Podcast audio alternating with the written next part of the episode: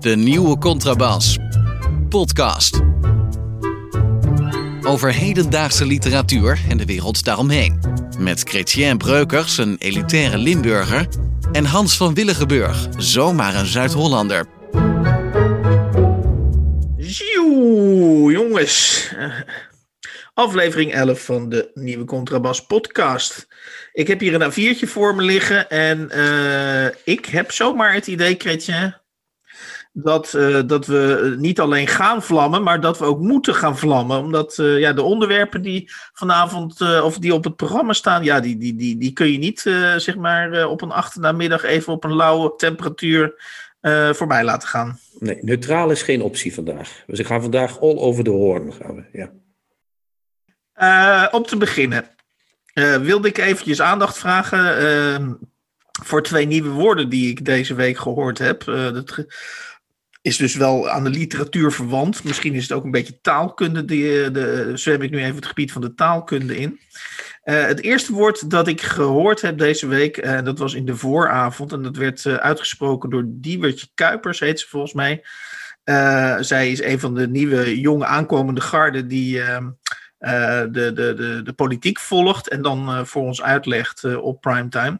En zij zei op een gegeven moment onze politiek karakteriserende. ze zei, ja, je hebt tegenwoordig een heleboel politici die dus, of tenminste het verfrissende van die nieuwe partijen is eigenlijk dat, ze, dat je ze nog kan verstaan. Dat zijn dus mensen die, die, die, zijn, die komen dus vers binnen. Hè? Dus Sylvana Simons, die mevrouw van de Boerenpartij, ik ben haar naam even kwijt. Hey, die zijn nog niet, die zijn nog niet, die zijn nog niet ja, verpest, zeg maar, door die, door die newspeak die, eh, die je dus van, uh, van mensen als Rutte en van, van uh, langzittende politici hoort. Dus die, die, kan je nog, die kan je nog gewoon begrijpen. Die stellen ook gewoon nog korte en heldere vragen. En toen zei zij op een gegeven moment in haar betoog, ja, want ja, die andere politici die zitten dus allemaal vast in. En toen kwam dat woord consultancy politiek. En dat zou moeten zijn dat ze zich uh, de politiek benaderen zoals consultants. Dus eigenlijk, uh, ze komen de politiek in, uh, reorganiseren de zaak, ontslaan iedereen en gaan dan weer weg. Of is dat niet nou, de lading? Ik denk dat ze bedoelt, dat, dat, dat zijn dus de politici zoals Wopke Hoekstra, die dus... Die is toch ook consultant geweest, of niet? Ja, die is of... consultant geweest. Ja. En, en, en haar aanklacht was eigenlijk dat er dus een heleboel politici... Uh, op de ruggen van uh, mensen als Wopke Hoekstra of Hugo de Jonge. Die zijn dan hun politiek assistent. En die leren dus uh, in, hun, in, die, in, in die leerlingenjaren... leren ze dus consultancy speak te praten. En dat, worden dus, en dat zijn dus mensen die dus zeg maar stilletjes op zo'n, op zo'n lijst naar boven krabbelen. Hugo de Jonge heeft ook openlijk verklaard dat hij op zijn politiek assistent ging, ging, ging stemmen. Dus dat zijn uh, politici, en dat bedoelde volgens mij Diewertje Kuipers, die zijn dus niet meer geworteld in een, uh, in een bepaalde streek of wat dan ook. Nee, die bedrijven inderdaad ja, organisatiepolitiek met, met, met bijbehorende termen. Ja, het valt me ook op dat ik hoor het woord proces heel vaak. Ik heb uh, vandaag, uh, we nemen op op de dag dat de nieuwe voorzitter van de Tweede Kamer is gekozen. Ook een uh, loepzuiver gevalletje van consultancy stemmen, mag ik wel zeggen. Er is iemand gekozen die wordt ingeruild voor wat meer coulance bij D66, bij de komende formatie, schat ik zo in.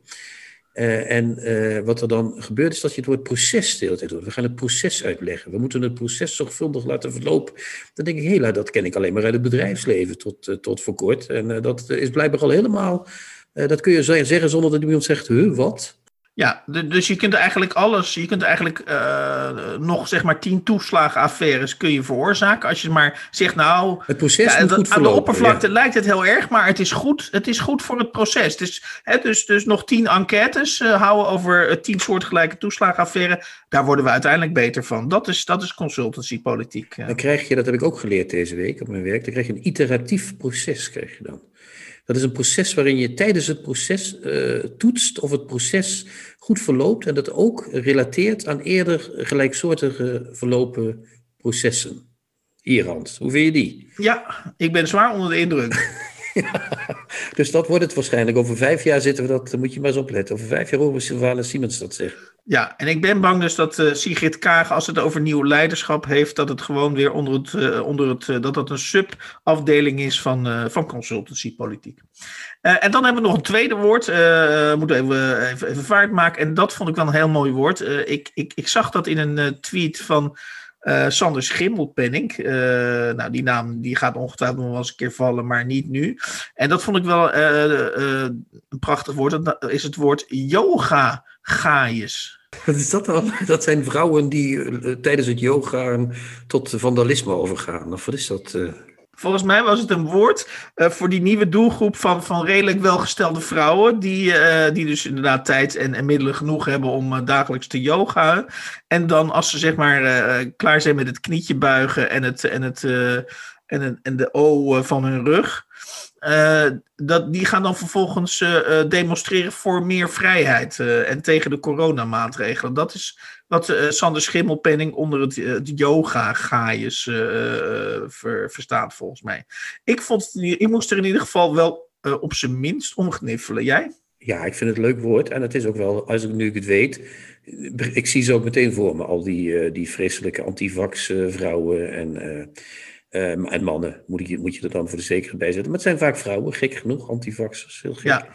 En uh, vaak goed opgeleid, maar toch tuigen inderdaad. Het, is echt, het zijn een soort uh, uh, of, of nou, het zijn geen, uh, onze technicus zegt nu dat het FVD-stemmers zijn, maar dat zijn het niet, want daar zijn ze, die zijn veel te rechts daarvoor. Die gaan niet yoga, toch? Of wel? Ja, zijn dat nou, ook, uh... ik, denk, ik denk dat, ik denk, hier moeten we Erik toch wel enige, ik schat toch wel in dat de helft tot driekwart van het yoga gaaiers keihard Forum voor Democratie stemt, hoor. Ja, dat zijn wel de wappies natuurlijk, hè? Dat, is de, dat zijn de wappiestemmen, ja. dus dat is wel waar, ja. ja maar ik, ik moet ook bekennen dat ik er wel een, ik heb, ja, ik, ik ben bang dat als ik er een in het echt tegenkom en ze zegt niet al te rare dingen, dat ik nog best wel ver kan gaan, mee kan gaan met het yoga gaaiers. Maar goed, dat moeten we maar in een andere aflevering gaan, uh, gaan bespreken.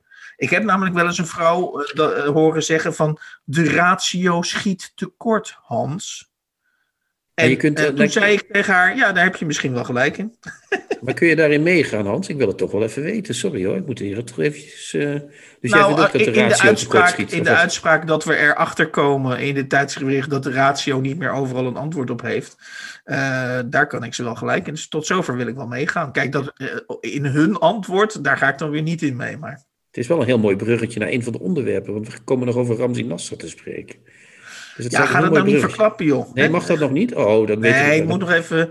Oké, dan gaan we nu verder met iets anders. Uh, dan iets, verraste uh... nog even eh, Arnold Grunberg. Uh, en dat, dan blijven we dus nog wel even bij de literatuur.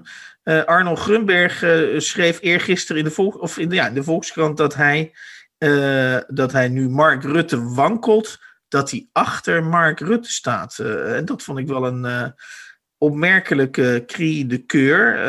Um, uh, ik, kan, ik, ik, ik onmiddellijk een link. Dat, ik weet, dat, dat doe je als lezer. Hè, je legt onmiddellijk een link, of dat nou valide is of niet.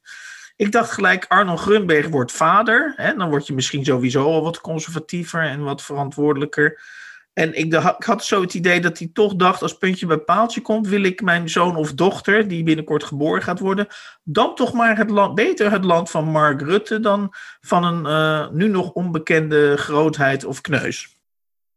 Dat zou kunnen, maar ik heb het artikel niet gelezen. Zou je me kunnen vertellen in het korte, weet je nog waarom die precies achter Rutte blijft staan? Nou, het kwam, hij, hij, hij, hij verzekerde aan het eind van het stuk dat hij geen VVD'er is. En dat hij nooit VVD, eh, voor zover hij kan, uh, dat hij geen uh, VVD gaat stemmen. Dus hij, hij, hij, hij deed wel heel erg zijn best om, om aan te geven dat die politiek nogal verschilt van Rutte. Uh, maar hij zei, um, Rutte heeft ook een heleboel rampen voorkomen. Hè? Dus uh, Rutte heeft ons toch door aardig door die kredietcrisis heen geleid. Uh, en door die, eventueel door die vluchtelingencrisis. Dus eigenlijk zei hij, het had veel erger gekund. Met andere woorden, die Rutte is zo slecht nog niet. Dat was dus eigenlijk een reaal politiek-achtige conclusie. En bovendien had ik het idee dat hij dus heel, heel erg verdacht vond dat dat Rutte um, um, uh, ja, door de Kamer nu unisono werd aangevallen. Hij zag daar een soort bloedhondengedrag in. Dus uh, dat, vond hij, uh, dat vond hij op zijn zachtst gezegd niet chic. Ja, hij is een soort consultancyvader aan het worden, zeg maar. dat, is, dat, is, dat, is, dat is een grapje van Erik trouwens, wat hij net in de chat En hij maakte nog een opvallende vergelijking, die, die, die veel besproken is. Namelijk, hij zei, net zoals Bill Clinton niet over Monica Lewinsky mocht vallen, mag Mark Rutte niet over Pieter Omtzigt vallen. Nou, dat vind ik eigenlijk wel een hele goede...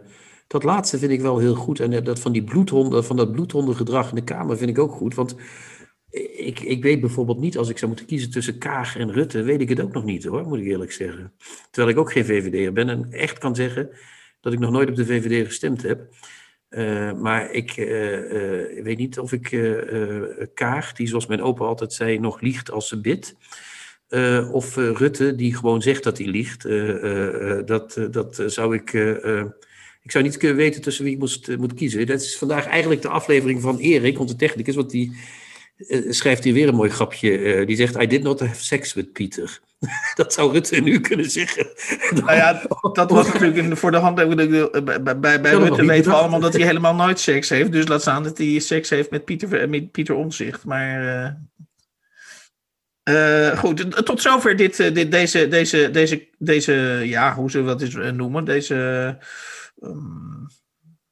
Inleidende beschietingen inleidende beschietingen. We moeten het nog over Vestdijk hebben, toch? Of ja, ik, wil, ik, ik, ik, weet niet of dat buiten de podcast of in de podcast ter sprake is gekomen, maar uh, Simon Vestdijk, uh, God hebben zijn ziel, die is afgelopen, wanneer, wanneer was hij nou 50 jaar geleden overleden? maart was hij 50 jaar geleden overleden. Oké, en toen kwam ik dus tot de ontdekking dat ik eigenlijk nog nooit een boek van Simon Vestdijk heb gelezen. En, en jij begon toen onmiddellijk een, eh, een reclamespot eh, voor Simon Vestdijk. Dus ik dacht bij mezelf, ja, probeer de lezer uh, zeker de, jonge, de jongere luisteraars, misschien is voor Simon Vestdijk te, te winnen. Oké, oh, ik wist niet dat het zo drastisch moest. Maar goed, ik ga mijn best doen. Kijk, Vestdijk is op 23 maart 1971 gestorven. Dat is nu dus inderdaad precies 50 jaar geleden. En een paar dagen. Een paar weken inmiddels. Um, sinds de dood van Vestdijk wordt er al gezegd dat Vestdijk niet meer gelezen wordt. En dat wordt al, altijd gezegd door heel veel mensen. Dus dat betekent dat het toch nog wel meevalt. Hij heeft nog een klein eh, groepje uh, uh, liefhebbers, zoals bijvoorbeeld ook Maarten het Hart en Kees het Hart, die laatst een boek over Vestdijk hebben geschreven, een briefwisseling over Vestdijk. En hier en daar verschijnen er ook nog wel eens boeken van Vestdijk. En je hebt altijd, dat weet je nog Hans van onze studie, het gelul over de grote drie, Hermans, Reven en Moedisch en Martin Meiland hebben we laatst geleerd bij uh, het programma van Eus. Uh, en dat is eigenlijk het verkeerde, de verkeerde insteek. Dat is een soort marketing insteek. De grote drie, hè, daar kun je reclame mee maken, et cetera. Maar de grote één van de Nederlandse literatuur na de Tweede Wereldoorlog, net voor en net na de Tweede Wereldoorlog, is natuurlijk altijd nog Vestdijk. Met een oeuvre van 52 romans. Hè. Het is bijna Simenon al. Zoveel boeken heeft hij geschreven. Prachtige essays over poëzie, prachtige essays over literatuur. Uh, verhalen. Uh, het is echt geweldig. Zijn Anton Wachter reeks, acht boeken over uh, de wording van Anton Wachter van jongen tot man.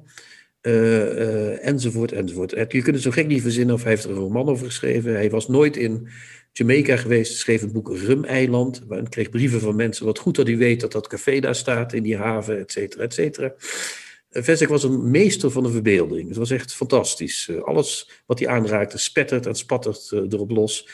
Mensen vinden hem eh, moeilijk schrijven, maar dat is echt helemaal niet maar, Maar hoe komt, het nou, hoe komt het nou dat, Chrétien, dat ik door al jouw superlatieve heen, hoewel ik wel doordrongen raak nu van, van de compleetheid en de enorme kwantiteit van zijn werk, dat ik nog niet echt een idee heb over wat ik dan nu ga tegenkomen als ik een Vestdijk opensla. En, en, als je een Vestdijk openslaat, kom je een soort proza tegen waarvan je.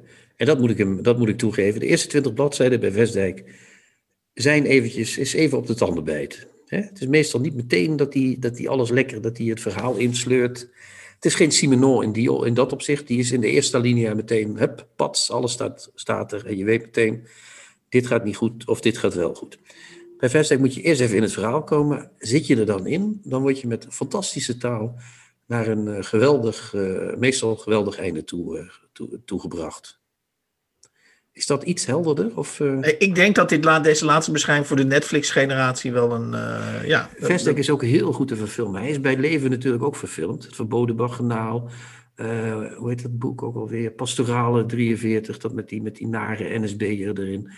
Er zijn er nog meer. Ik kan ze nu even niet. Het wordt Glinsterend Panzer, heel mooi. Over een man met, met psoriasis, gespeeld door Tom Hofman. Wat heel goed zou zijn als Tom Hofman altijd psoriasis had. Dan hoefde hem niet zo vaak te zien. Maar goed, dat is weer wat anders. En nou ja, van alles en nog wat. Dus ik zou zeggen, lees Vestdijk de komende 50 jaar. Overgewaardeerd. Boeken die te luid worden bejubeld. In deze rubriek gaan wij behandelen het boekje, het prachtige eh, met hardcover uitgevoerde boekje De Fundamenten van Ramzi Nasser. Uh, het is een boekje wat uh, sowieso, wat wij er verder ook van mogen vinden, binnen de kortste keren al een derde druk heeft gehaald. En het staat al in de, in de boeken top 60. Dus nou ja, ik wil maar zeggen, het vliegt op dit moment de winkels uit. Maar dat voor jou, uh, ja, uh, heeft dat natuurlijk geen enkele invloed op wat jij van dat boekje vindt van Ramzi Nasser. Nee, ik vrees het in dit geval niet. Nee, nee. Het is een, het is een klein boekje, wat je zei, 80 bladzijden of zoiets, denk ik. Nee, nee, nee, nee, moet je even corrigeren. Het, het is inderdaad een heel klein boekje. In een normaal formaat zou het zeker 80 pagina's zijn. Maar dit is zo klein uitgegeven en in zo'n uh, bladspiegel dat het opgerekt is tot, dacht ik, 130 à 140 pagina's. Oh, oké, want ik heb namelijk het e-book. En dat, uh, dan houdt het op bij bladzijde 84. Daar is de verantwoording. Ah, oké, ja. Maar ik denk dat de inhoud overeenkomt, vrees ik. Uh, het, het, bevat drie essays die Ramzi, Ramzi Nasser, voormalige dichter des Vaderlands, acteur, ik moet zeggen, heel aardig acteur trouwens. Um, drie essays die hij geschreven heeft in coronatijd. Uh, drie bespiegelingen, waarvan twee korte, de eerste twee en één langere. Over hoe wij ons in deze onzekere tijd, Hans, want we gaan bijna allemaal dood. Hè, uh, hoe wij ons deze onzekere tijd middels kunst en bezinning op onze levensstijl door de crisis heen kunnen slaan. Hè? Zeg ik het zo goed? Dat is een beetje wat hij doet, hè? Ja, ik had, ik had er sowieso vrij moeite in, moeite in om er een soort echt rode draad in te ontdekken. Want hij, hij, hij, ja goed, hij, misschien is dat een beetje dagboekachtig. Hij laat zich uh, nogal leiden door, uh, door zijn. Uh, misschien is dat juist wel, wel, wel leuk, juist. Of, of dat hij zich heel erg op zijn eigen humeur en op zijn eigen gemoed uh, allerlei literatuur erbij had, Boccaccio aan het begin en uh, nou ja, allerlei ervaringen. Maar de, de, de grondtoon is die van bezorgdheid en, uh, en bezinning inderdaad, dat klopt. dat is mooi, en, maar hij doet dat met zo'n overdaad aan clichés, moet ik zeggen. Want ik laat ik meteen maar beginnen met waar mijn ergernis zit. Dat je na het lezen van het boekje denkt, ik hoop dat die coronacrisis nog twintig jaar duurt. En uh, dat, uh, ook dat het milieu eraan gaat. Want hij koppelt het sterk ook aan het milieu, waar we allemaal heel voorzichtig mee moeten gaan zijn in de komende jaren. Want anders uh, is, iedereen, is de aarde dood. En dat is natuurlijk niet leuk. Maar, en maar, ik wil maar, ook... maar geef ons een inkijkje in dat proces. Waar, waar, waar, hoe, kom, hoe, kom je, hoe kom je van het lezen van Ramzi, Ramzi Nasser naar de uitdrukkelijke wens dat de coronacrisis nog twintig jaar duurt? Nou ja, dat gaat als volgt. Kijk, er is iemand, een, een, een kunstenaar, iemand die tien jaar geleden met een groepje letterkundigen uh, naar, op uh, kosten van het uh, Nederlands Letterenfonds naar China ging, omdat daar boeken van hen verschenen in het Chinees. En die dat toen goed praten met de mededeling dat de democratie die wij in Nederland gewend zijn hiermee naar China werd gebracht. En dat het dus goed voor de Chinezen zijn, zou zijn. Dat, dat is één. Dat is Ramzi Nassers achtergrond een beetje. Wat hij hier doet, is schrijven over de crisis waarin we ons zouden bevinden. Uh, en die crisis is zowel een gezondheidscrisis als een uh, milieucrisis. En eigenlijk ook wel een kunstencrisis. Want wat is de rol van de kunsten daarin? Allemaal.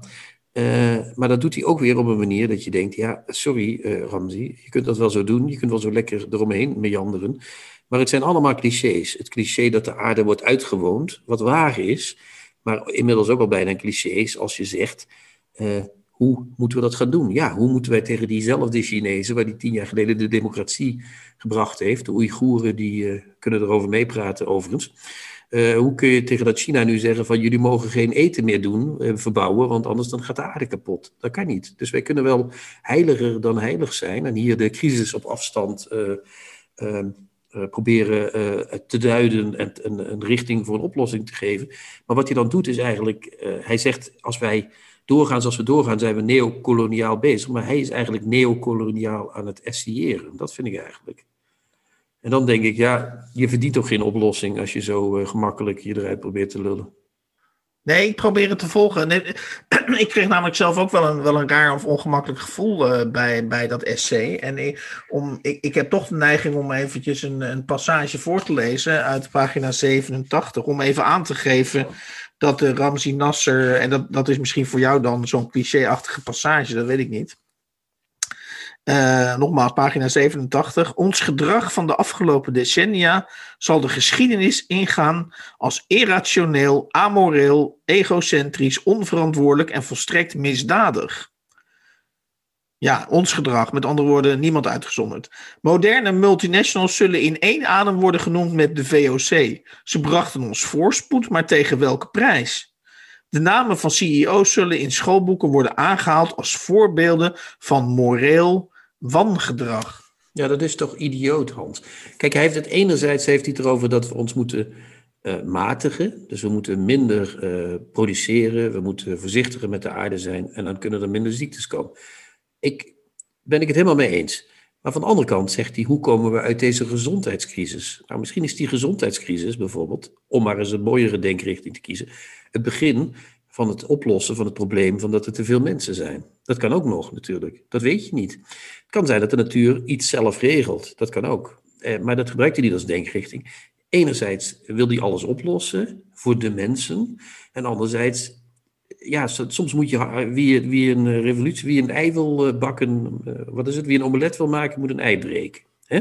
Dus soms moet je ook denken, harder denken. Het is zacht gedacht. Het is allemaal gedacht, als we maar lief zijn voor elkaar en goed voor de aarde, en dan niet te veel varkensvlees eten, dan is het allemaal goed. Maar dat, dat, dat werkt deels, maar als geheel zitten er gewoon veel te veel mensen op de planeet. Dus er moeten mensen weg. Er zit niks anders op. Kijk, dan had ik het boekje met veel bewondering gelezen. Dat ja, dus je uh... neemt hem eigenlijk kwalijk dat hij, dat dat uh, een, soort, uh, ja, een soort kabouterachtige oplossing eigenlijk, die we allemaal kunnen begrijpen, voorstelt. Terwijl het, de, het ware dilemma is veel groter.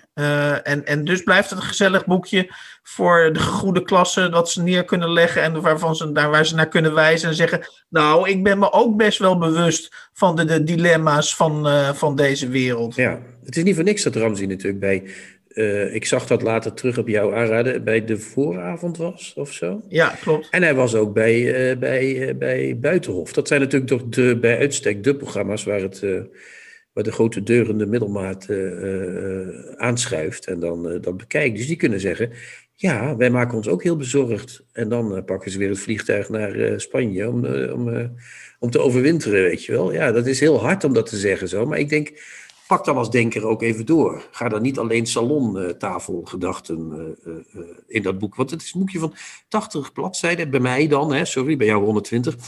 Maar dat is, daar staat echt niet één gedachte in die langer dan drie minuten doordacht is. Dat is echt onmogelijk. Nou ja, en die passage die ik net voorlas, dat, dat geeft ook een beetje aan. Het is ook, uh, behalve dat het misschien clichématig is, is ook van dik hout zaagt men planken. Ik bedoel, ja, uh, dus, dus zeg maar mijn hele straat, mijn hele postcode, mijn hele, mijn hele stad.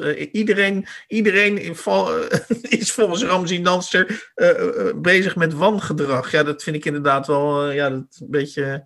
Ja, dat is altijd een beetje zoals wat Rut, dat is een beetje de Rutger Brechtman in hem, hè?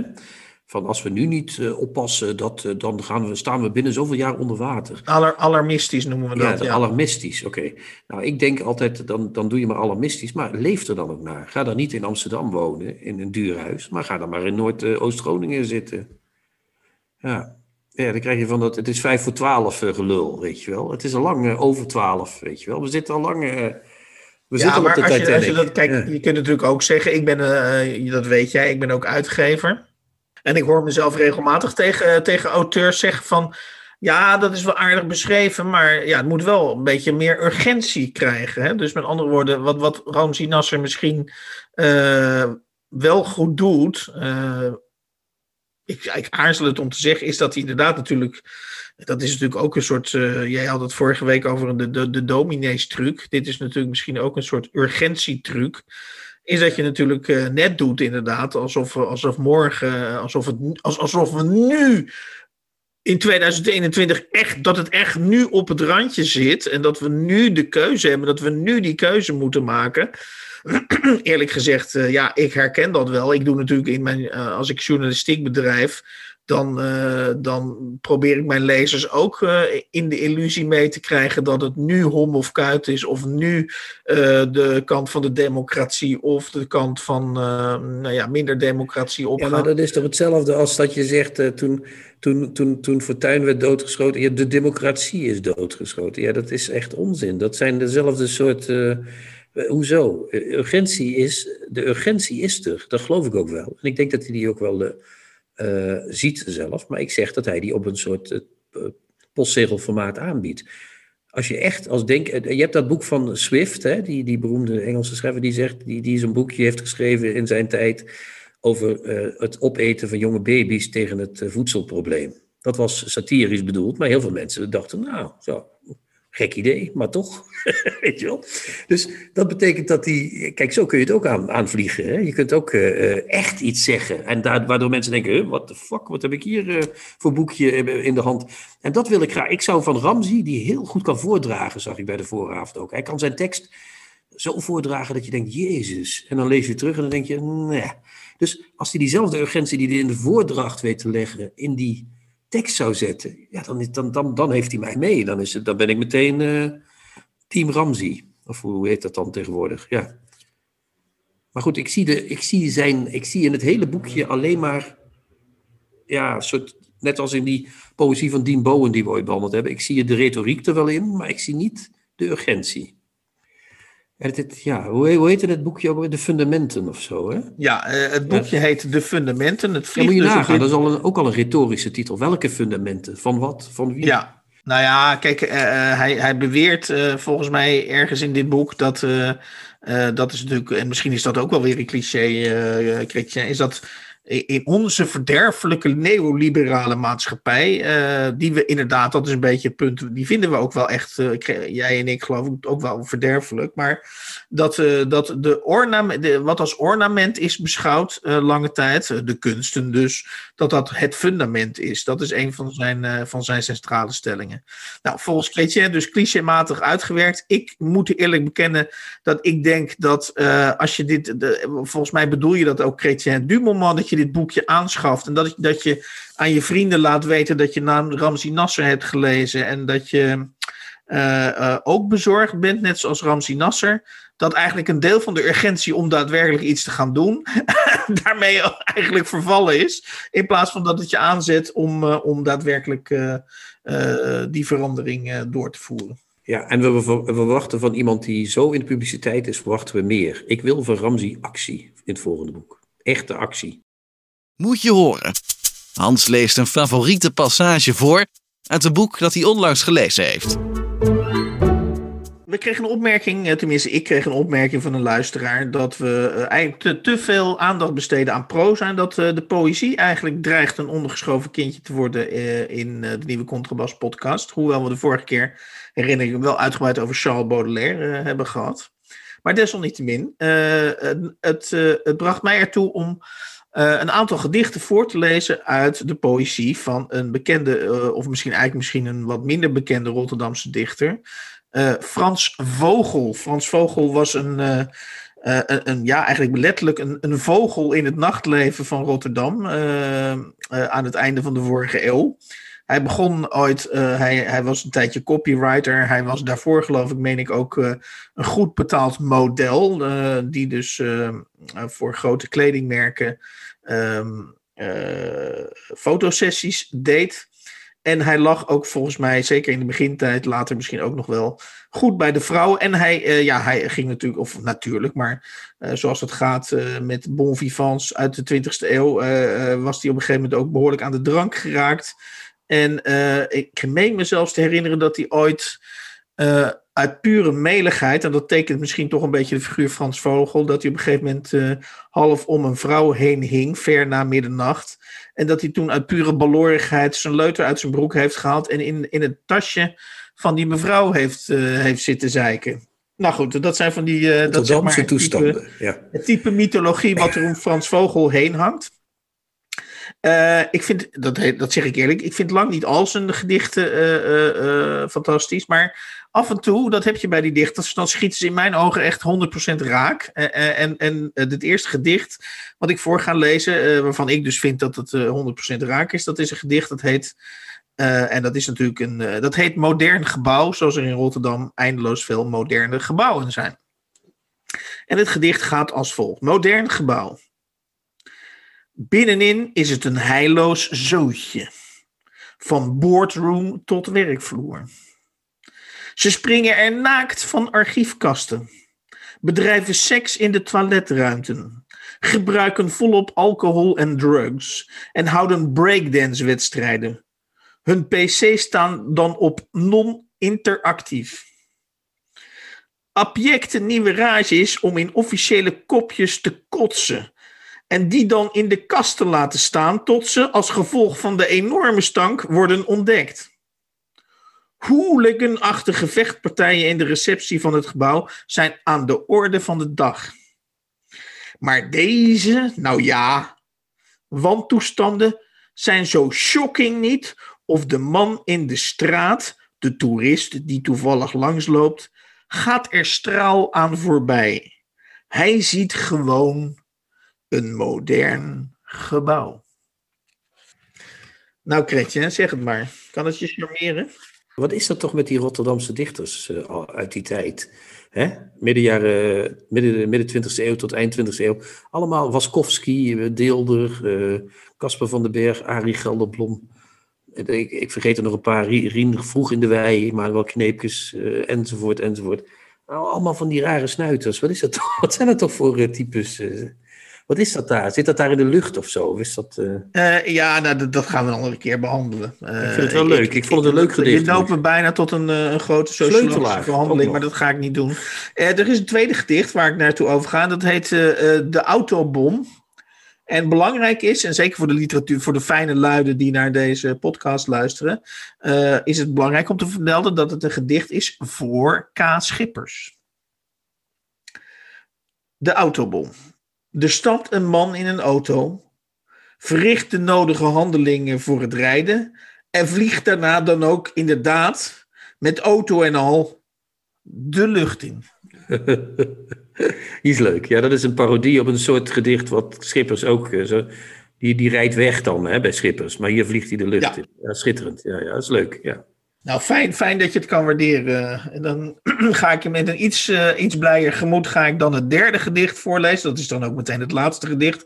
Want we moeten natuurlijk Frans Vogel uh, uh, moeten we ook weer niet te belangrijk maken. Maar hij heeft wel hele grappige gedichten geschreven. En het laatste gedicht, dat heet De Marketeer. Met tussen, tussen haakjes, A Real Pro. Research and Development komt met een nieuw product. Daarvan staat al vast dat er een markt voor is. Aan zet is nu de marketeer. Uit de kast trekt hij zijn plan van afzet. Een mix gebaseerd op data als product, prijs, plaats en promotie. Factor X speelt mee. Ziet hij of het daar ook mee lukt? Schij je uit. Niks wordt overgelaten aan het toeval. Calamiteiten worden ingecalculeerd.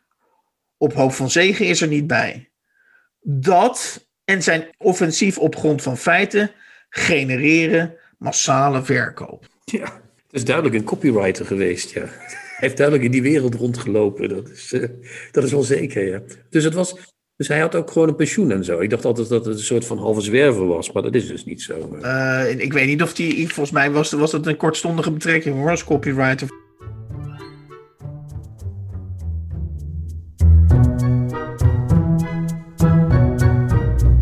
De nieuwe Contrabas. Podcast. Bij ons in de podcast is vandaag Marijke Arijs. Marijke Arijs is recensent voor de Standaard. Ze vertaalt uh, uh, uit het Frans uh, romans. onder andere voor uitgeverij Vleugels en voor andere uitgevers, maar daar hebben we het nog over. daarnaast geeft ze les aan de vertalersvakschool in Antwerpen. ze is eigenlijk de Vlaamse literatuur in pocketformaat. Uh, we willen het vandaag hebben, Marijke, over uh, uh, een schrijfster die, waar je de vaste vertaler van bent, Amélie Nothomb. Een Brusselse schrijfster die in het Frans schrijft en in Frankrijk ook publiceert. Beginnen bij het begin. Wat is dat voor figuur? Ik zie allemaal foto's van haar, daar ziet ze er altijd een beetje gothic uit. Wat is Amélie Nothomb, geboren 66 voor iemand? Ja, het is een Belgische schrijfster, zoals je al zei. Het is nog een heel bekende ook. Ik schat wel de bekendste nog levende Belgische schrijfster van het moment. Ze is een bijzonder excentriek figuur, dat heb je goed gezien. Uh, ze verschijnt altijd met hele rare hoeden op haar hoofd en uh, in een gothic outfit. Maar ja, dat is natuurlijk niet het belangrijkste. Dat is haar uiterlijke voorkomen. Ja, haar familie is ook bijzonder, hè? toch? Even nog uh, voordat we naar de literatuur gaan. Ze komt ook uit een bijzondere familie. Ja, een, een Belgische adellijke familie uh, zowat de familie die België heeft gestikt en die enorm veel uh, belangrijke figuren heeft voortgebracht. Uh, veel politici, vijf schrijvers, als ik het goed heb. Geen enkele zo belangrijk als zij trouwens. er zat ook nog een communist bij, wat wel vreemd is voor zo'n heel erg katholieke Belgische familie. Is die geëxecuteerd of niet? nee, maar die heeft wel meegevochten in de Spaanse burgeroorlog. Die was piloot en hij ging om met uh, André Malraux. Is later nog door de Gestapo opgepakt en uh, gefolterd, als ik me niet vergis. Maar hij heeft het wel Wat gelukkig wel, ja, oké, okay, mooi. Zwart schaap van de familie, zou ik maar zeggen. Ja, het zwarte schaap. En sinds 92 is Amélie Nothomb schrijver, althans gepubliceerd schrijven. Hygiëne van de moordenaar heet het in het Nederlands. Uh, ook als schrijver is ze, net als de familie waar ze uitkomt, toch iets bijzonders, of niet? Uh, ja, absoluut. Het is, het is heel apart. Het was ook een heel spectaculaire entree in de letteren die ze heeft gemaakt.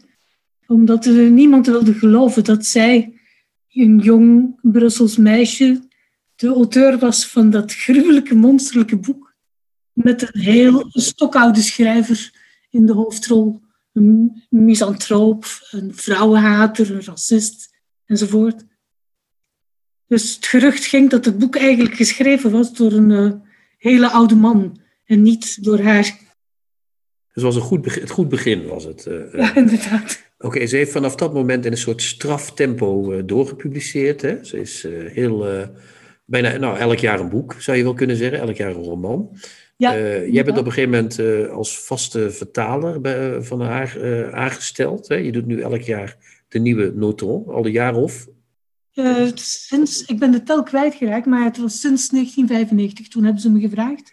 25 en, jaar uh, al, ja, 26. En heb ik ja gezegd, want ja. het is heel leuk werk om te doen. En zoals ik uh, zou zeggen, elk jaar een boek, dan zit je goed als vertaler. ja, ja, het is toch je winkel inderdaad. Zoals we, ja, ja dat, dat wist ik toen nog niet natuurlijk, nee. dat, dat ze zo productief zou blijven.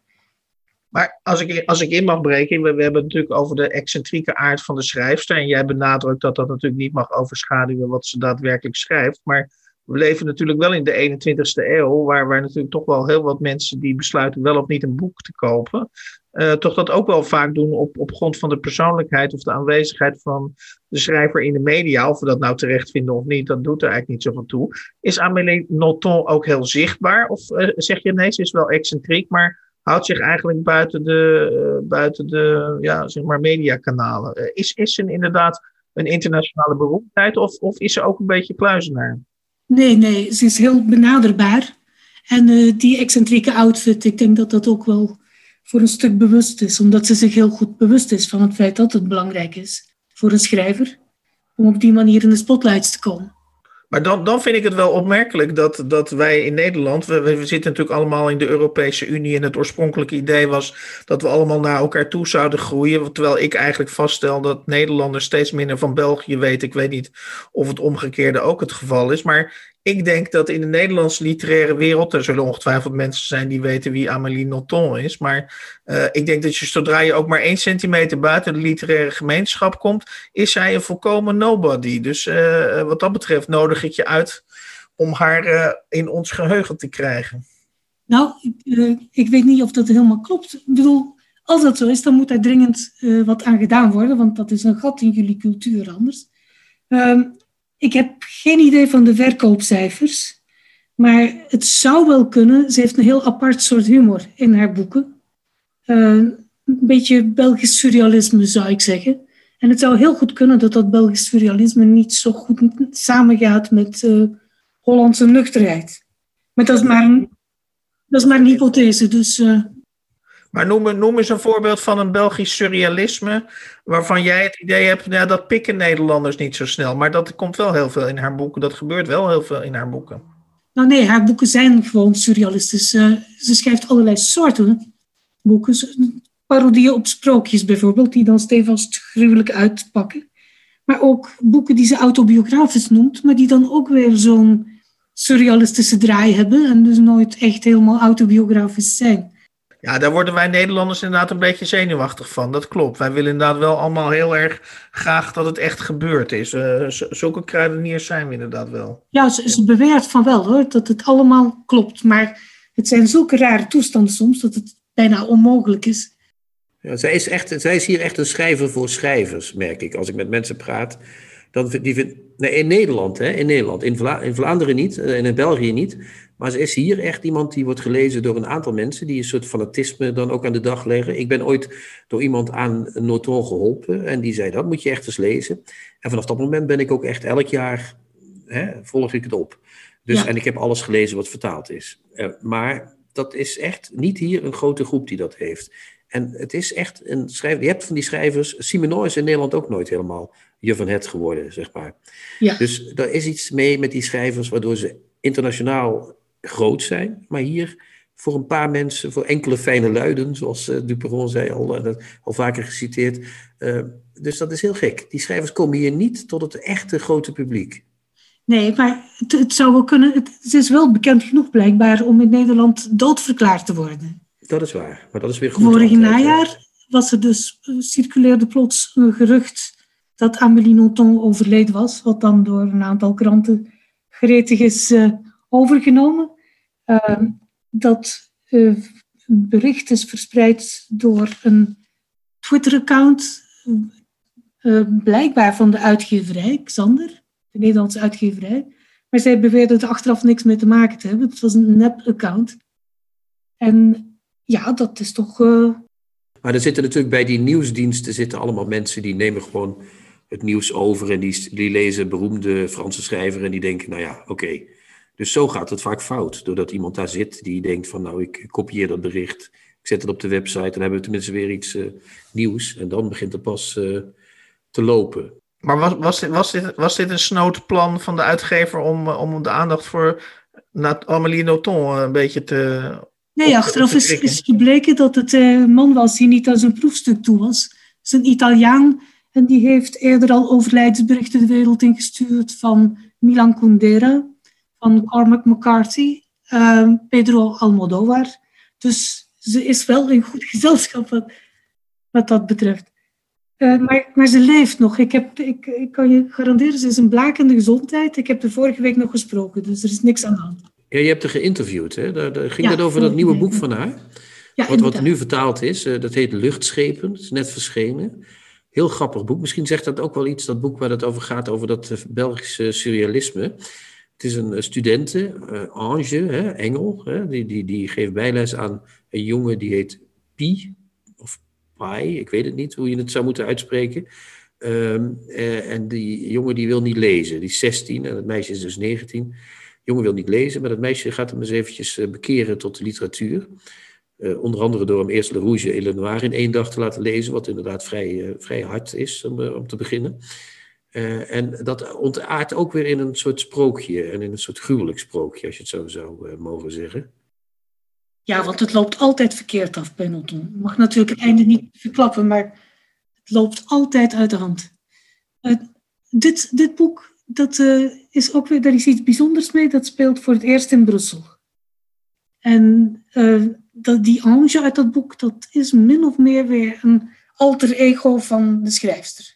Want ook zij is op de uh, zeventiende, dacht ik dat het was, naar Brussel gegaan. Om daar taal en letterkunde te gaan studeren, Franse taal en letterkunde. Heeft daar bijles gegeven aan zo'n jongen van 16, enzovoort. Dus ja, wat er daarna gebeurt, die gruwelijke ontsporing, ik vermoed dat ze daar niet bij betrokken was. Maar uh, ook dat is weer zo'n half autobiografisch boek. Ja, wat, wat, ik, wat ik, ik, heb, ik heb af en toe wel eens, wel eens een boek, uh, of ben ik aan een boek van haar begonnen. En wat mij opviel, maar is dat het voor een vrouwelijke auteur, die, maar goed, uh, correct me if I'm wrong, is dat zij eigenlijk voor een vrouwelijke auteur heel direct schrijft. Het wordt onmiddellijk in je gezicht geworpen. Terwijl ik ben meestal schrijfsters gewend die, die, die psychologiseren en er meer omheen draaien. Maar dat doet zij dus duidelijk niet. Nee, maar dat is nou juist het mooie en het originele van uh, haar boeken. En psychologiseren, daar doet ze absoluut niet aan. Dat is alleen maar saai. Vind ik zelf ook, dus daar heb ik als vertaler dan weer geluk mee. Oké, dus, dus dit vind ik wel bijna een tegeltje hoor. Psychologiseren is alleen maar saai, ja. Dat zou je wel bovenop alle, dat zou je als stickertje wel boven alle, alle boeken op, uh, van Amélie Nothomb kunnen, kunnen, kunnen zetten, volgens mij. Maar ze heeft inderdaad zo'n een heel elliptische stijl. Ze is ook berucht om haar one-liners en paradoxen. Dus dat flitst allemaal. Heel veel dialogen, dat knettert, dat uh, gaat flitsend heen en weer de hele tijd. Maar, maar ik, ik, ik wil je toch uitnodigen als, een, als Nederlandse lezers uh, nu toch denken van dit gesprek horende van misschien toch wel een intrigerende schrijfster. In ieder geval wereldberoemd, maar dus minder in Nederland. Heb jij titels waarvan je zegt, nou begin als je Amélie Nothomb dan wil leren kennen, kun je het beste misschien met deze of deze roman. Ze heeft er nogal veel geschreven, dat is inmiddels duidelijk. Uh, kun je het beste daarmee beginnen? Kun je, kun je een kleine route uitstippelen? O ja, je kunt beginnen bij het begin, dat is heel makkelijk. 1992, Hygiëne van de Moordenaar, daar hebben we het er straks al over gehad. Waarom? Omdat dat boek dat beschouwt ze als haar manifest. Dus daar zit eigenlijk alles al in, alle thema's, alle obsessies die later terugkomen. Maar als je dat te vervelend of te moeilijk vindt, want het is beslot echt wel een, eh, een rouwboek en een, een ongewoon boek, en je, je houdt het liever wat rustiger, dan kun je met haar populairste boeken beginnen, die zij autobiografisch noemt.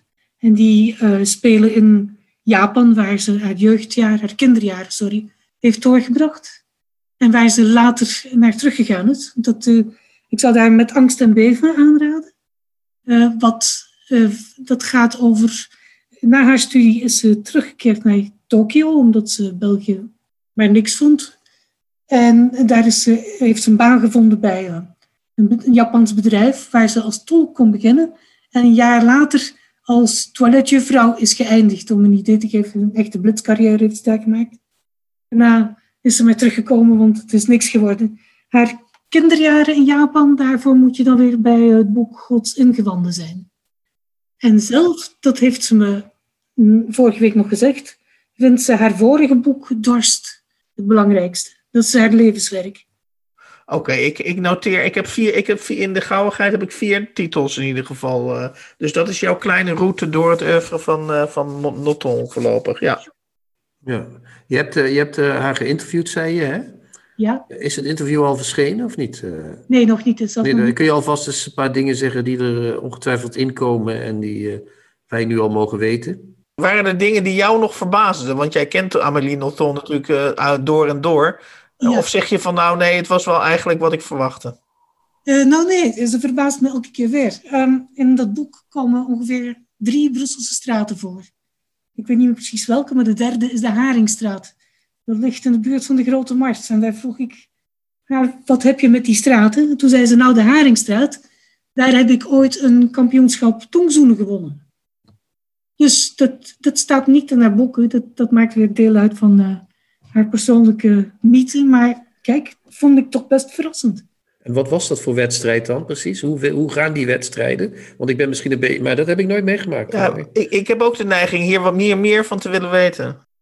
Nou, ik zou zeggen, dan moet je de standaard lezen binnenkort. Oké, okay, ja, dat is wel heel makkelijk, hè, Marijtje? Alweer je eigen winkel uh, vooruit laten. Maar het klinkt alsof tongzoenwedstrijden in België uh, uh, een, een, zeg maar een gewoon onderdeel zijn van de cultuur. En, en dat weet ik trouwens niet, dat is een aanname. Maar dan wil ik er wel wat meer over weten. Maar goed, oké, okay, misschien zeg je ook daarbij dan, ja, maar dan moet je de standaard lezen. De kusjesdans heb je wel, dat weet ik wel. Maar dat ken ik, dat is iets wat heel Vlaams is. Maar dat... Nou, dat, dat tongzoenen, dat is volgens mij ook geen courante discipline, denk ik niet. Nee. Nou, werk het maar eens mooi uit in de standaard dan voor ons. Ik mag toch aannemen dat het wel een courante discipline is, maar niet in wedstrijdvorm. eh. Nou, precies. Is Wat, wat, wat, wat zeg je dat mooi, Hans? Ja, schitterend. Ja. Wat missen we als we Amélie Nothomb niet lezen? Nou, het verfrissende, je mist een paar uur vertier en ernst en humor door elkaar. Met heel veel verrassende one-liners en hier en daar een moord of iets gruwelijks. En een ontknoping ja, waar je van achter, van achterover valt. ja, en je mist een wereld die bijna op die van ons lijkt, maar toch net niet. En die echt typisch Nothombiaans is, eh, zou ik willen zeggen. Ja, inderdaad. Zou het niet beter kunnen zeggen. Tips van de week. Boeken, artikelen of pamfletten die boven het maaiveld uitsteken. Vandaag eh, hebben Chrétien en ik allebei één tip. Eh, en de tip van Chrétien is deze keer. eh, Een debuut. Een debuut, Hans, een debuut van Helena Hogenkamp. Het boek heet Het aanbidden van Louis Klaus. Is verschenen bij de Bezige Bij. Een maandje geleden, anderhalve maand geleden. Het is een roman van een redelijk jonge auteur, eh, geboren 1986. Eh, het is echt een boek, eh, zoals dat heet, een coming-of-age roman. Dus een, boek waarin iemand van de adolescentie naar de volwassenheid gaat. En een van de, de hoofdpersoon heet Carla. Die volgen we vanaf haar veertiende tot haar midden eind, nou, bijna dertigste. Ehm, die eh, aanbidt, eh, zoals de titel al zegt, Louis Klaus. Dat is een figuur die in haar jeugd voorkomt, waar ze verliefd op is. Waar ze ook een relatie mee heeft. Eh, ze woont als ze jong is bij een gezin. De moeder sterft. Enfin, je hoort het al. Het klinkt een beetje klassiek en flauw als je het zo zegt. Hè? Jong meisje, verliefd op een jongen. De moeder gaat dood. Die jongen blijkt later filmster te worden. Maar dan heeft dat meisje een verhouding met een vrouw. Nou, je hebt gelijk, als ik het tot zover hoor, dan, dan zou ik het als, als, eh, als, eh, als samenvatting zou ik het al bijna gelijk te, onmiddellijk afwijzen. Maar Ja, eh, de, ja, want dat klopt. Maar dan komt ze op latere leeftijd weer in contact met die Louis Klaus. En dan krijgen we een, een, een plot waar ik zelf ook al niet van hou. Dus ik probeer het nog onaantrekkelijker te maken. Dat plot kan ik niet ver- verraden, want anders dan heb ik het hele boek weggegeven. En toch is het een prachtig boek, omdat Helena Hoogkamp het in, een soort hele dwingende, een beetje heigerige stijl allemaal opschrijft. Net zoals we eh, laatst eh, hadden we een gesprek met Sophie Langkamp. Hè? Die had ook een, die heeft een boek Lakmaker, vol- La- Lakmaker, sorry, sorry, sorry. Dat, dat is wel heel erg wat ik nu doe, sorry. Maar die had eh, een, een boek vol met wisecracks en met puntige zinnen. En bij Hogekamp zit het hem vooral in een soort dwingende, hele korte stijl die ze aanhoudt. En ze heel snel schakelt tussen allerlei gebeurtenissen. Dus ze weet dat eh, klassieke, eh, beetje clichématige verhaal echt op te laden met een hele goede stijl. Dus daar was ik wel van onder de indruk. Ik heb dan eh, de neiging in proza eh, te willen wonen, om een beetje achteruit eh, te zakken. En mijn, mijn klacht tegen, tegen die jonge schrijfsters, want dat is eigenlijk al in deze podcast al een paar keer voorbij gekomen, is dat die inderdaad van dat hele gecondenseerde, geladen proza, elk, elk zinnetje zit dus onder hoogspanning. En ik vind dat dus vaak een on- onprettige leeservaring opleveren. Maar, eh, en dan ga ik dus bijna actief verlangen naar Remco Kampert, bij wijze van spreken. Die, daar kun je van zeggen, ja, dat is dan weer het andere uiterste. Eh, maar eh, die, die kan echt in een, in een paar alinea's dan zo'n hele rustige sfeer aan een strand of in een hotel neerzetten, waar je dan echt even lekker bij gaat liggen. En dan denk ik soms bij die jonge schrijfsters, joh, geef mij ook een beetje, laat mij ook even uitblazen in dat proza. Nou ja, Dat doet zij niet, nee. Zij doet dat ook niet. Zij is niet de nieuwe Kampert, eh, zeker niet. Eh, ik kan een heel kort stukje voorlezen. Ja, doe maar. Eh, het gaat op een gegeven moment dat ze met, met een vriendin in Amsterdam, denk ik, over een brug fietsen. En dat zijn van die hoge bruggen waar je net niet overheen komt, weet je wel. En dan gaat het als volgt. Ik duw met mijn handen op haar dijen en moedig haar aan alsof het een bergetappe van de Tour de France is. Destiny gaat voor de bolletjestrui en vertelt me dat dat een uitdrukking is voor een jongen die op vakantie het meisje met de grootste borsten scoort. En de gele trui is voor de meeste meisjes in één vakantie en de witte trui voor wie het jongste meisje neukt. Ze fietst een brug op tegen de herfst in. Nadat mijn moeder uitbehandeld was, was ik een essay over Rielke en Freud die door een tuin wandelen. En Rielke kan niet genieten van de bloemen in hun bedden, want hij weet dat ze zullen sterven als de herfst komt. Maar Freud geniet juist actief van de begroeiing, want hij betoogt dat alles steeds weer nieuw wordt. Dat dat is hoe de seizoenen werken, ze eindigen en beginnen. Daarmee verwijst hij naar de Europa, dat tijdens de Eerste Wereldoorlog in brand stond. Ruïnes en gras op de velden, papavers op de graven. Freud bedoelt verval en wederopbouw, maar misschien ook gewoon bloemen, gevangen in de keukenhof of wild in de berm, in borders, in bedden, in boeketten. En natuurlijk heeft hij gelijk. Het zal weer lente worden. Nou ja, hier zie je ook al, hè, dat schakelt een paar keer flink op en neer. Dat gaat van, uh, van een brug uh, op fietsen naar Freud en Rielke, naar de Eerste Wereldoorlog, naar de Keukenhof. En dan zijn we echt nog niet eens een hele pagina verder. Dus uh, even lekker uit. Als je gaat uitrusten, Hans, moet je het niet doen. Nee, maar hoe zou ik, zonder dat we gelijk hier aan, aan, aan dieptepsychologie moeten willen gaan doen voor de jongere generatie. Maar ik heb echt het idee dat, dat ze heel wat om te kieperen hebben. Uh, en, en ja, dat, dat, dat je dus daar als lezer uh, dom. Dat, dat merk ik bij mezelf. Ik, ik raak daardoor ondergedompeld, zullen we zeggen. Ik, ik, ik word echt moe van die boeken. Ik vind het wel fijn om daarmee te kunnen. Ik vind het ook wel fijn. Kijk, ik wil ook graag een boek waarin ik verdwijn. Zoals dat Leven en Lot, wat ik nu aan het lezen ben van Grossman, daar verdwijn je in. Dat, dat doen de gebeurtenissen het werk voor je, zeg maar. Dat hoef je niet zelf uh, actief aan deelt. Ja, je, deel, je, leest het wel actief, maar je hoeft er niet steeds mee te verhouden. Je moet je met dit soort boeken steeds ver, tot dit soort boeken moet je je steeds verhouden. Dat, en ik weet dat ik kan er ook niet altijd even goed tegen, maar ik vind het toch ook wel weer sympathiek. Het heeft ook een vorm van urgentie, hè? Het is, ja. ja, dat coming of age. Hè? Dus, want je begon daarmee te zeggen van hè, we volgen haar van, van 14 tot en met hoe oud ze nu is, midden 30 geloof ik. Ja, zoiets. Uh, ja, ja, ja, ja. En naar, naar, van adolescentie naar volwassenheid. En ja, dan moet ik altijd heel erg lachen. Of tenminste, dan ga ik mezelf even spiegelen. Om dan toch, eh, omdat we even op de psychologische tour zijn. Dan denk ik van.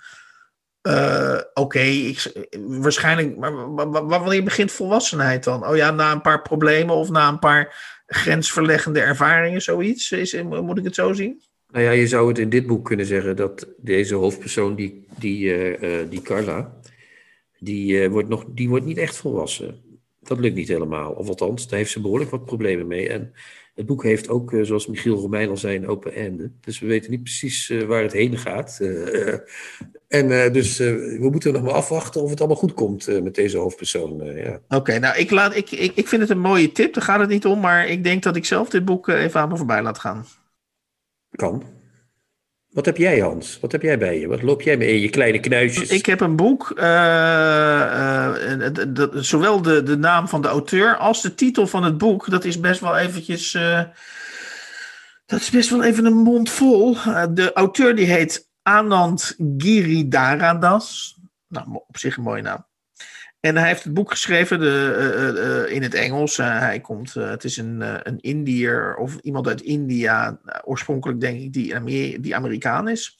En hij heeft het boek geschreven waarom de superrijken de wereld niet zullen veranderen. En behalve dat ik het eigenlijk een veel te lange titel vind. Lange titels kunnen leuk zijn, maar dan moeten ze een beetje grappig zijn. En deze titel is en lang en niet grappig. Dus ik moet toegeven dat de eerste tekenen zijn niet zo goed bij dit boek. Uh, en toch vond ik het een, een, een heel erg uh, goed boek. Uh, waarom vind ik het een goed boek? nou ja, het is even alle duidelijk, het is non-fictie. Ik, ik mag graag tussen alle literatuur in de podcast een, een non-fictieboek naar binnen fietsen. En ehm, ja, wat, wat, wat, wat het centrale thema is van Anand Giridharadas, is dat hij hij is volgens mij met dit boek een van de eerste uh, mensen, journalisten. Ik, hij heeft volgens mij aan Harvard gestudeerd. Die een ja, doorwrochte zedenschets maakt van de nieuwe, mil ja, de nieuwe miljardairs, de nieuwe superrijken. Uh, wat zijn dat voor mensen? Daar probeert hij licht op te werpen. En uh, wat zijn de mechanismen waardoor ze rijk zijn geworden? En wat zijn de mechanismen achter uh, uh, hoe ze zich verschuilen? Hè? Dus met andere woorden, kijk, de superrijken willen natuurlijk meer zijn dan alleen maar rijk. Want ze, ze, snappen heel goed dat als ze dat het enige is wat ze aan de wereld toe te voegen hebben, dat het een beetje weinig is. dus ze, ze trekken al gauw een een uh, caritatief jasje aan. Uh, en hij schetst dus hoe ze dat doen. En de bewering dus van, uh, van Anand Giridharadas is dat als ze een caritatief jasje aantrekken, dat dat heel weinig goeds voor de wereld gaat, gaat, gaat betekenen. En hij heeft hele leuke voorbeelden, want hij zegt in het begin, in, in, in zijn voorwoord, zegt hij eigenlijk. ik, Anand Giridharadas, ik ben ook ik ben ook een, zo'n gefortuneerde uh, uh, lid van die globalistische uh, elite. Dus ik doe in dit boek niet meer dan een deel van mijn eigen verdorvenheid of van mijn eigen falen neerschrijven.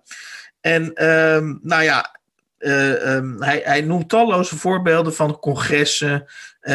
World Economic Forum is natuurlijk een van de bekendste jaarlijks rituele dansen van de globalistische elite. En uh, hij laat haar fijn zien dat al die uh, goed bedoelde uh, projecten in, in, in allerlei arme landen of in arme wijken, dat die goede slogans opleveren voor die bedrijven, maar dat die vroeg of laat voor, voor de mensen die verondersteld worden geholpen te worden, uiteindelijk op niets uitdraaien. En uiteindelijk dus niets anders betekenen dan dat het die superrijken een goed gevoel uh, geeft. Hij geeft soms ook hele mooie voorbeelden. Uh, um, uh, zo zegt hij bijvoorbeeld dat het verhaal van groei en van empowerment, hè, dus groei niet alleen financieel, maar ook groei in, in geestelijke en spirituele zin, empowerment hij, uh, hij, hij, portretteert een feministe die ontzettend, uh, uh, die, die vanuit een oprecht gevoel van ehm, achterstelling voor vrouwen opeens een, een TED-talk gaat houden. Um, en dan uh, vervolgens succes krijgt, heel veel geld gaat verdienen met die, uh, met die TED-talk. En dan laat hij dus zien dat, in, dat zij vanuit een authentieke motivatie uh, ooit met dat verhaaltje begonnen is. Maar du moment dat je een veelgevraagd spreker wordt en je dus een onderwerp als seksisme, zoals zij doet, ter sprake wil brengen, dat je dus ja, bij de PricewaterhouseCoopers wordt uitgenodigd en bij steeds meer grote bedrijven. En die willen dan gewoon in anderhalf uur van jou horen hoe ze seksisme op de werkvloer kunnen, kunnen, uh, kunnen tegengaan. Uh, daar kun je dan ontzettend veel geld mee verdienen. Maar vervolgens komt die vrouw dus in een existentiële crisis. Want die zegt: Ja, ik hou daar een heel goed betaald praatje. Maar ik weet daarna helemaal niet meer of die PricewaterhouseCoopers daadwerkelijk iets met mijn verhaaltje gaat doen. En eigenlijk uh, vertelt hij door, uh, door die vrouw te portretteren eigenlijk het dilemma van al die uh, projecten die die globalistische elite natuurlijk op touw zet. Namelijk, het moet lekker klinken, het moet een pasklare oplossing bieden.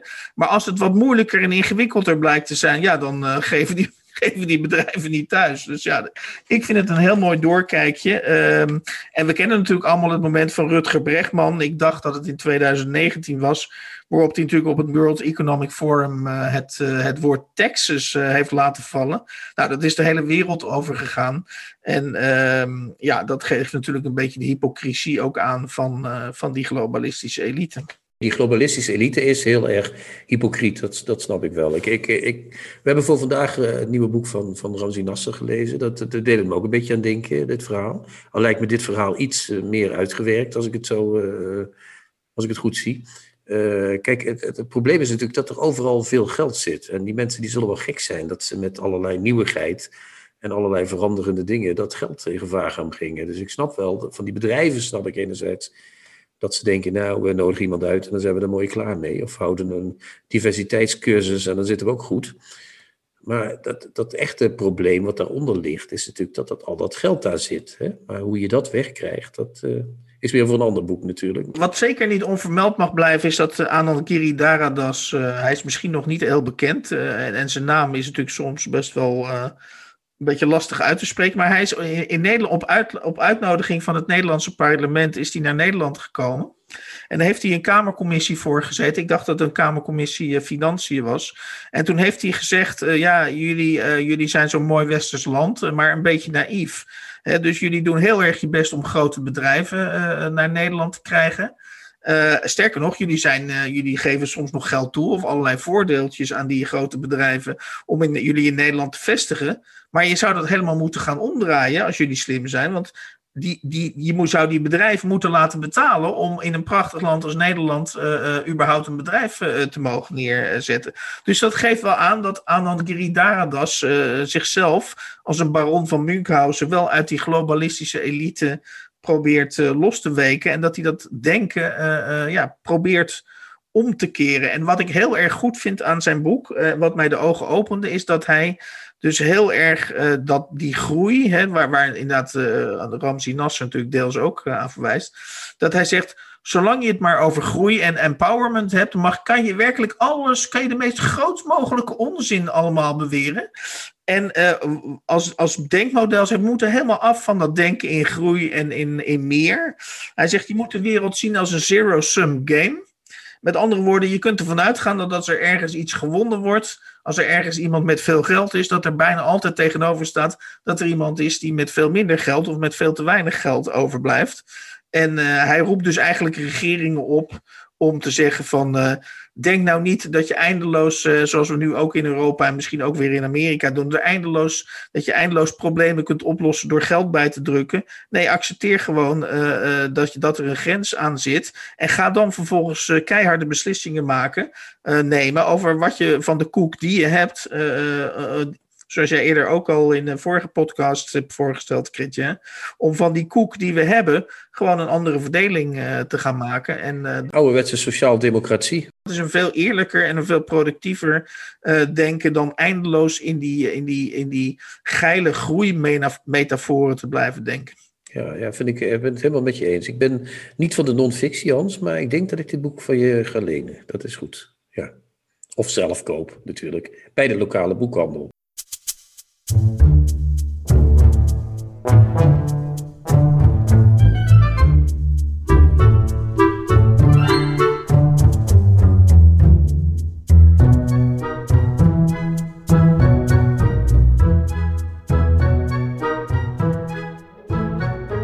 Aangekomen bij uh, de outro van deze uitzending. Uh, voor de mensen die uh, met smart zitten te wachten op een Tommy. Die moeten gewoon nog even een weekje wachten. Want in gezamenlijkheid hebben wij besloten dat. Hoe zullen we dat nou eens netjes zeggen? 1 Y per week is genoeg. We hadden nu de Ramsey en dan hoeven we niet de Tommy nog te hebben. Precies. Het vloeren van één iemand is, is genoeg. Vandaag hebben we achtereenvolgens uh, de revue laten passeren. Het boek De Fundamenten van Ramzi Nasser, uitgegeven bij de Bezige Bij in 2021. Ik las voor uit uh, drie gedichten van Frans Vogel uit de bundel Gelukkig maar, uitgegeven door Douane in 2008. Dan hebben we uh, in extenso besproken het gehele oeuvre, of we hebben een poging daartoe gedaan, van Amélie Nothomb. En haar laatste boek heet Luchtschepen en is verschenen bij uitgeverij Xander. En dan bespraken we in, de, in de tips. Ik zelf besprak het boek Waarom de superrijken de wereld niet zullen veranderen een hele lange titel die in het Engels een stuk korter is, want daar heet het boek Winners Take All. En dat is geschreven door Anand Giri Daradas en dat is verschenen vorig jaar, dacht ik. Ik kijk even live. Dat, is, nee, dat is verschenen al in 2018, dus dat is alweer even uit. En dat is verschenen bij uitgeverij Volt. En tenslotte hebben wij helemaal in het begin, uh, heeft dat gedaan, zijn licht laten schijnen over het gehele oeuvre van Simon Westdijk. In, de, in diezelfde, uitge, in diezelfde uh, uh, rubriek tips zat ehm, natuurlijk de roman Het aanbieden van Louis Klaus van Helena Hogekamp, verschenen bij de Bezig Bij in 2021. En helemaal aan het begin, nogmaals, zat Simon Westdijk, gestorven in 1971. En als ik het goed heb, Kritje, uh, heeft hij 52 romans geschreven. Ik weet niet of hij adviseert om ze allemaal te lezen, maar in ieder geval heeft hij ons geenthousiasmeerd of pogen te enthousiasmeren om er in ieder geval een paar te lezen. Kretje, wat moeten we bij Simon Vestdijk als eerste gaan lezen? Je begint maar eens met, Anton, met de Anton Wachterreeks en dan de Koperen Tuin. meneer Vissers Hellevaart, een, een Alpenroman die net bij Tsum is herdrukt. Bij, bij, sorry, bij uitgeverij De Kleine Uil is herdrukt. Dat zijn echt mooie beginboeken voor Versdijk. En er zijn latere boeken die zo tegen het eind van zijn leven zijn verschenen. Die sla je voorlopig even over. Dat is echt alleen voor de diehard fans. Is dat, Wil je reageren op, de, op deze podcast? Dan kun je een mailtje sturen naar ons via podcast.denieuwecontrabas.blog. Ik herhaal podcast.denieuwecontrabas.blog. Tot volgende week. De nieuwe Contrabas podcast wordt gemaakt door Chrétien Breukers, Hans van Willigenburg en Erik Lindenburg.